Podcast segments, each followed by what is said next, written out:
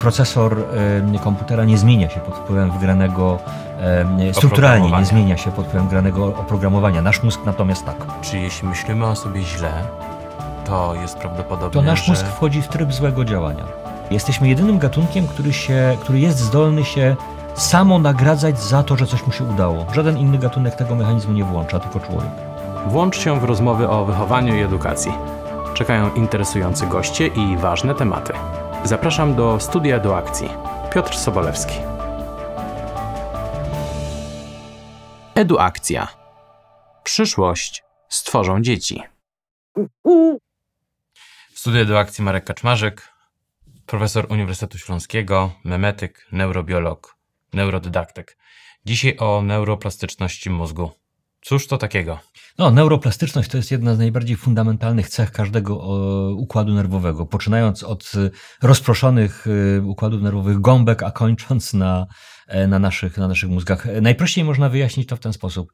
Y, Neuroplastyczność to cecha polegająca na tym, że każda informacja, a więc każdy bodziec, y, każde przetworzenie, y, każde, każde wyobrażenie, każda emocja, która pojawi się w ośrodkowym układzie nerwowym, zmienia go. Czyli w naszym mózgu. Tak, dokładnie. Czyli zmienia mózg. Każda informacja, którą przyswoimy, zmienia nasz mózg. I to nie jest żadna przenośnia, jest to dosłownie nie, związane z aktywnością synaps, czyli tych e, elementów wiążących neurony.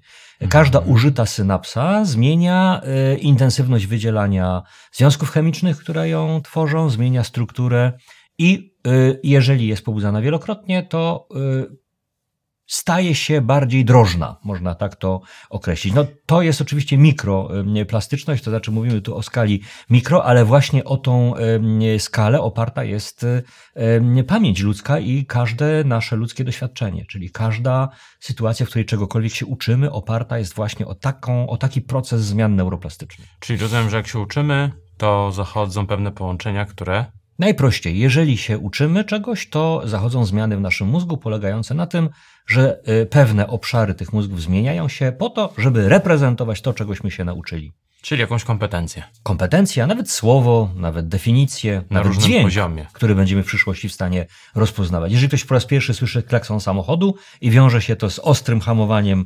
yy, przed nim, Mhm. no to on się tego nauczył. Ten, y, ten, y, y, ten dźwięk wywoła pewien rodzaj strukturalnych i funkcjonalnych zmian jego mózgu, które połączą stres z konkretnym dźwiękiem i mamy neuroplastyczny efekt w postaci unikania samochodów. Okej, a czy to jest tak, że to jest y, i intencjonalne i nieintencjonalne Jak najbardziej. zmiany, prawda? Jak najbardziej. To Bo- już, mhm. Bo my nie zawsze musimy coś y, się nauczyć, jeśli chcemy. I w większości rzeczy uczymy się w tym obszarze e, nieintencjonalnym. E, Rzecz w tym, że e, ten ślad e, neuroplastyczny powstaje tam, gdzie został odebrany ów e, bodziec. Czyli jeżeli na przykład ślad ma dotyczyć e, dźwięku, to e, zostanie w korze słuchowej, konkretnie w Mhm. skroniowej. Jeżeli ślad ma dotyczyć wykonania jakiegoś, jakiejś czynności, no to zostanie w korze ciemieniowej, w obszarze ruchowym. Jeżeli ślad ma dotyczyć czegoś, czego sobie, co sobie uświadamiamy, uświadamiamy, czyli na przykład znaczenia słowa, Mhm. no to zostanie zdeponowany w, W naszym części. świadomym obszarze kory przedczołowej. Y, My świadomie używamy, czy też jest nasza świadomość związana z pewnymi konkretnymi partiami naszego mózgu. Wszystko, co się dzieje poza tymi partiami, będzie oczywiście dawało efekty neuroplastyczne, ale my niekoniecznie musimy sobie je e, uświadamiać. Tak jest z całym bagażem pamięci związanej z, wykonaniem, z wykonaniami pewnych, e, pewnych e, czynności. To znaczy, że w naszym mózgu coś się buduje wtedy, kiedy się uczymy? Dokładnie tak. Budują się połączenia, budują się ślady pamięciowe, budują się ich zespoły, związki pomiędzy nimi. Tak, można powiedzieć, że neuroplastyczność to taki rodzaj stałej, stałego nadbudowywania Mhm. stanów nad już istniejącymi, istniejącymi ym, stanami. Tyle tylko, że tak jak mówię, nie wszystkie rodzaje pamięci są nam dostępne bezpośrednio. A co to znaczy w takim razie? No to znaczy na przykład, że jeżeli y, potrafisz jeździć na rowerze i masz zamiar gdzieś pojechać na rowerze, to podchodząc do niego nie myślisz, y, jak powinieneś na niego dosiąść, ani w jaki sposób y, poruszać nogami, żeby jechać. Jeżeli grasz na gitarze, to biorąc do ręki gitarę, nie zastanawiasz grasz. się nad chwytami, tylko grasz. To jest właśnie ta sytuacja. Wykonujesz pewną czynność, ponieważ się jej nauczyłeś, Mhm. ale nie jest to już oparte o, mm, o, strukturę, o struktury związane z świadomym przetwarzaniem. Nawiasem mówiąc, w przypadku pamięci wykonania pewnych rzeczy, czyli pamięci proceduralnej, e, jest nawet dosyć niebezpieczne przywoływanie tutaj sytuacji świadomych, tak na przykład jak wtedy, kiedy y, jadąc samochodem, prowadząc go przez wiele lat, nagle spróbujesz podczas jazdy zastanowić się nad tym, do czego służą poszczególne pedały, czy przekładnie, czy przyciski. Możesz się nieźle tutaj wpakować, ponieważ nakładanie się tych dwóch rodzajów śladów pamięciowych może spowodować ich konkurencję między sobą. Mhm, czyli trudno się dokopać do tych danych Dawnych. tych związanych z wykonaniem bezpośrednim mm, i ty przed, przed, przed, skrzyżowaniem zaczniesz się zastanawiać, który przycisk powinieneś włączyć, żeby włączyć prawy kierunkowskaz. Czy zatem to, co y, wiemy jak zrobić i nie musimy o tym myśleć, na przykład prowadzenie samochodu mm -hmm. na rowerze, mm -hmm. czy mhm. pływanie, y, to y, coś, co jest zapisane na naszym jakby twardym dysku? Mózgu? E, dysku, ale nie twardym. No, mhm. Nasz mózg różni się od struktur, które sami wymyśliliśmy, tą zasadniczą, e, zasadniczą cechą, że jest plastyczny, że jest mhm. zmienny. E, procesor e, komputera nie zmienia się pod wpływem wgranego, e, strukturalnie nie zmienia się pod wpływem wgranego oprogramowania. Nasz mózg natomiast tak. Mhm. Oprogramowania, właściwie ten software, który na, nie na, na niego wchodzi, zmienia go. A to oznacza również, że wszystko, co jest Twoją reakcją dziś, jest funkcją tego, co działo się z Tobą do tej pory. Nie rozumiem. E, jeszcze inaczej. E, reagujesz dzisiaj na to, co mówię, w jakiś określony sposób, mhm. ale ta reakcja nie jest y, efektem tego, co się dzieje tu i teraz. Jest efektem wszystkiego, co z Twoim mózgiem działo się do tej pory. Okej, okay, czyli mm, to, że coś pojmuję bądź coś nie pojmuję, jest wynikiem tego, co już wiedziałem wcześniej. Dokładnie, dokładnie mhm. tak jest. Mówimy o przedwiedzy w dydaktyce, tak? Czyli o sytuacji, na którą muszą bardzo uważać nauczyciele, którzy tłumaczą, albo ja teraz, kiedy próbuję ci coś wytłumaczyć, e, ponieważ od dłuższego czasu funkcjonuję w tej w tej dydaktycznej formie uprawiania neurobiologii, to wiele rzeczy dla mnie są, jest y, oczywistych mhm. i gdyby nie ty, pewnie nagrałbym podcast, który byłby kompletnie bezużyteczny. No, nie wiadomo, zależy dla jestem, kogo. Jestem przekonany, bo tak to działa w szkole. Nauczyciel, jeżeli zignoruje fakt, że jego przedwiedza a więc historia jego mózgu z ogromną, ogromnym bagażem wiedzy nie, jest taka sama jak u uczniów, no to będzie prowadził zajęcia, które są dla nich kompletnie niezrozumiałe. Czyli wtedy musimy sięgać do takich podstawowych Dokładnie tak. Musimy, naszych musimy brać, zasobów. Musimy brać to pod uwagę. Mhm. Mhm. E, jak to jest? Dużo kompetencji może ogarnąć nasz mózg? Ogrom, ogrom, mhm. bo to bardzo złożona struktura. Oczywiście z tymi kompetencjami trzeba pamiętać, że bardzo wiele z nich, e, z racji tego, że przecież nasz mózg nie działa jak izolowane struktury, tylko one wymieniają się ciągle funkcjonalnie i, i yy, współpracują ze sobą, wiele kompetencji nakłada się mm, na siebie, wiele yy, śladów pamięciowych uczestniczy w kreowaniu różnych e, kompetencji, czyli ten sam ślad pamięciowy, ten sam E, ta sama reprezentacja będzie uczestniczyła w różnych, w różnych, w różnych kompetencjach, e, ale ja bym nawet zaryzykował twierdzenie, że wielość kompetencji, która może być skonstruowana na bazie tego, czym jest struktura taka jak nasz mózg, jest praktycznie nieograniczona. Możemy tutaj mówić o nieograniczonej liczbie potencjalnych y, kompetencji. Zupełnie inaczej wygląda sytuacja w przypadku konkretnego mózgu, mm -hmm. bo musimy pamiętać, że jeżeli coś jest potencjalnie możliwe, to jeszcze niekoniecznie, że jest w każdym momencie dostępne.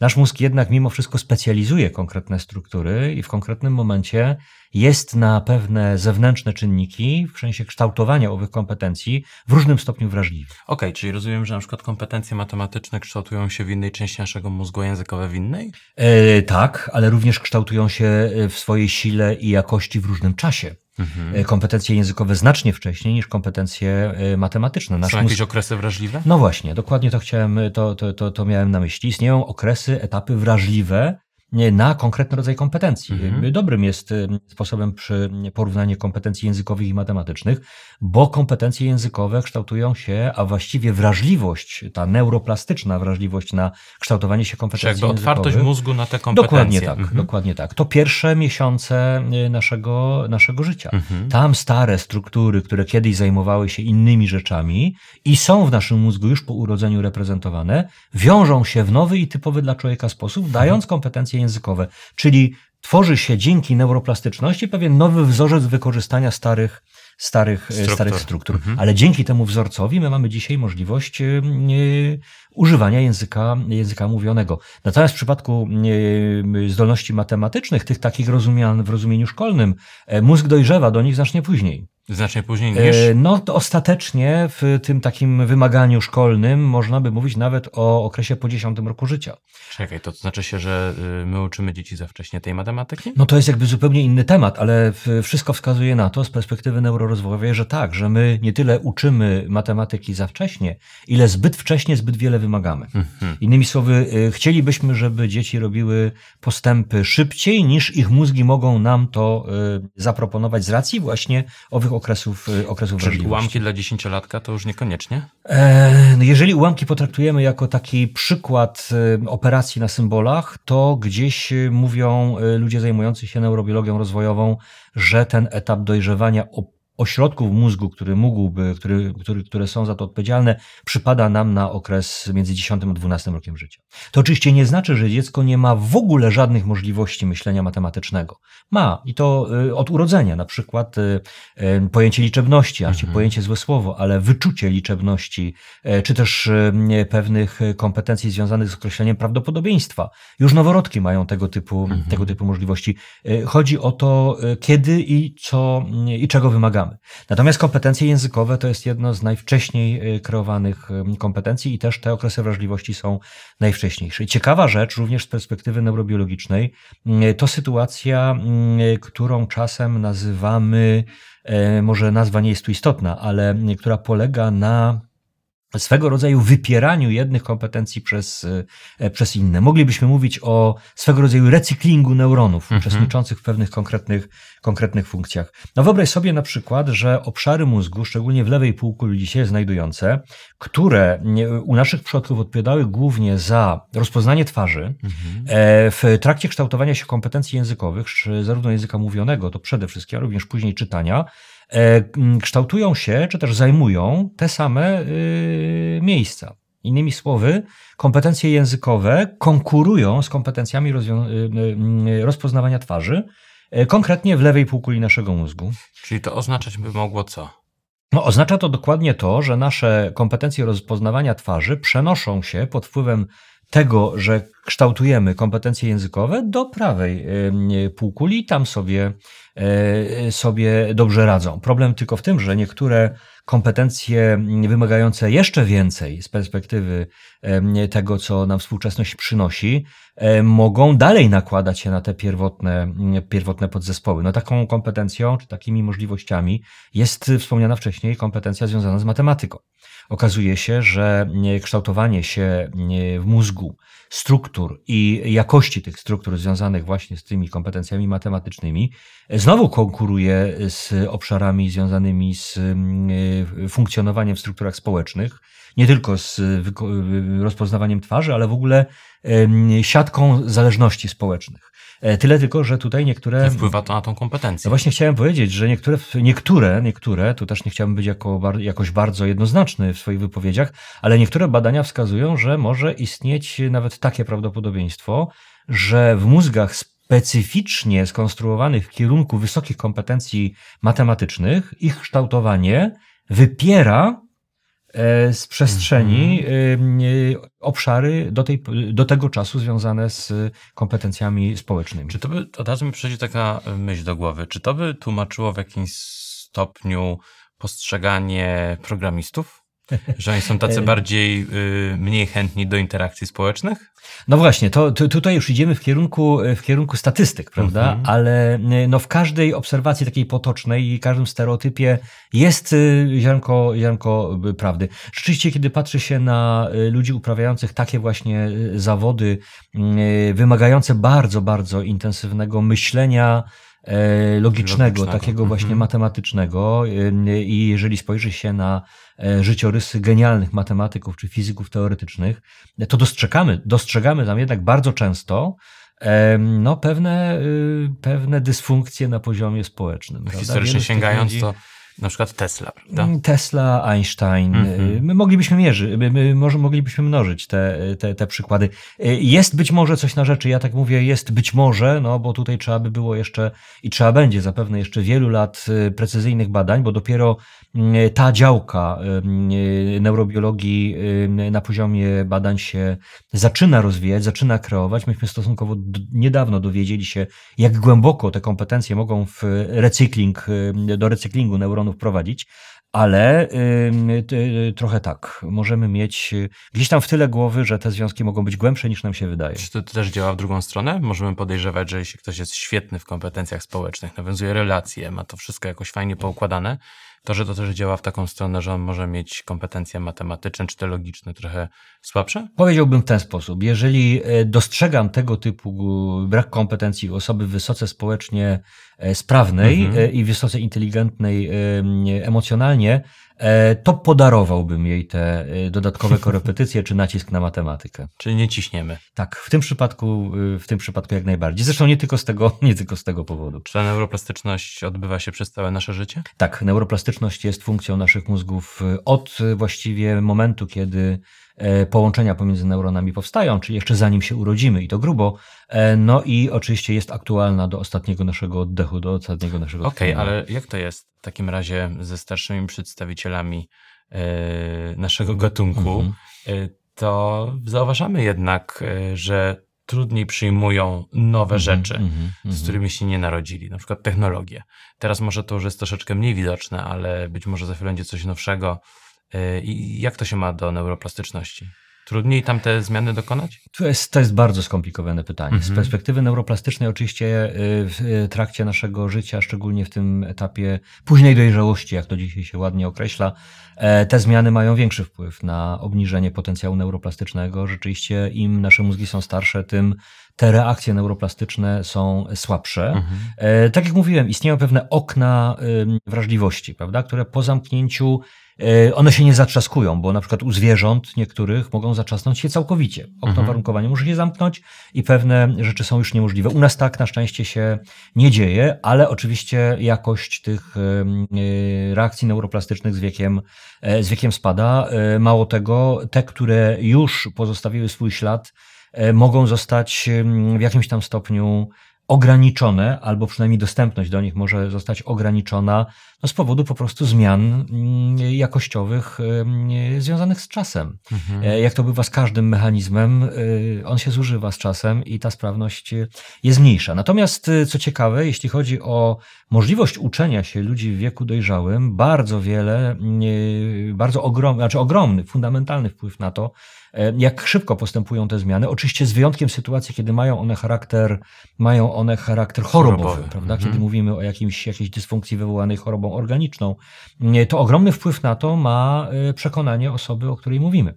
Okazuje się, hmm. że głównym powodem spadku, spadku aktywności pamięci, a sprawności pamięci, głównie pamięci krótkotrwałej, bo ona właściwie decyduje o tej sprawności przetwarzania bieżącego, jest, y, są niewielkie mikrozmiany w istocie białej w tej wewnętrznej części półkul mózgu. E, to są takie e, mikrourazy, czy też mikrozmiany, które mm, obszarowo są e, bardzo nierozległe, ale z wiekiem się kumulują.